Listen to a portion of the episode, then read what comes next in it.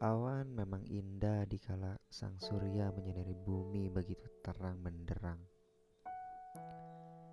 Membuat kelopak mata insan bumi terpesona melihat putih dan lembutnya awan.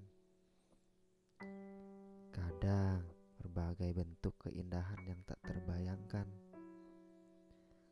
Tapi awan juga terkadang tak disukai manusia di saat dia mulai murung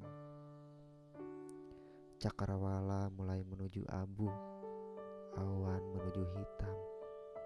Angin riuh hiruk pikuk kota yang membuat semesta terlarut dalam kesedihan. Seakan awan hanya dilihat dari segi indahnya kebaikan dalam menorehkan cahaya gerlap mentari yang menyinari.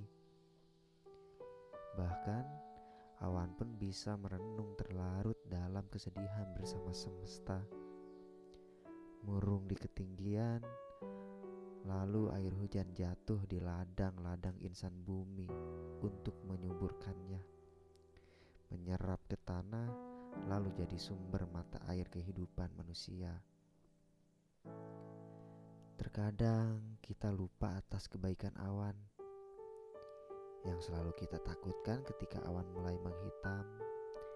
Makanya, tak banyak insan bumi yang menyukai air hujan bagi mereka yang menyukai menari dalam derainya air hujan dan awan hitam itu sesuatu yang membuat mereka bermain bersama tanpa kata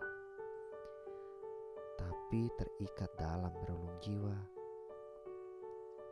Terima kasih awan atas kelembutan engkau dalam setiap hari menemani maupun di saat kau menorehkan kecantikan bersama mentari.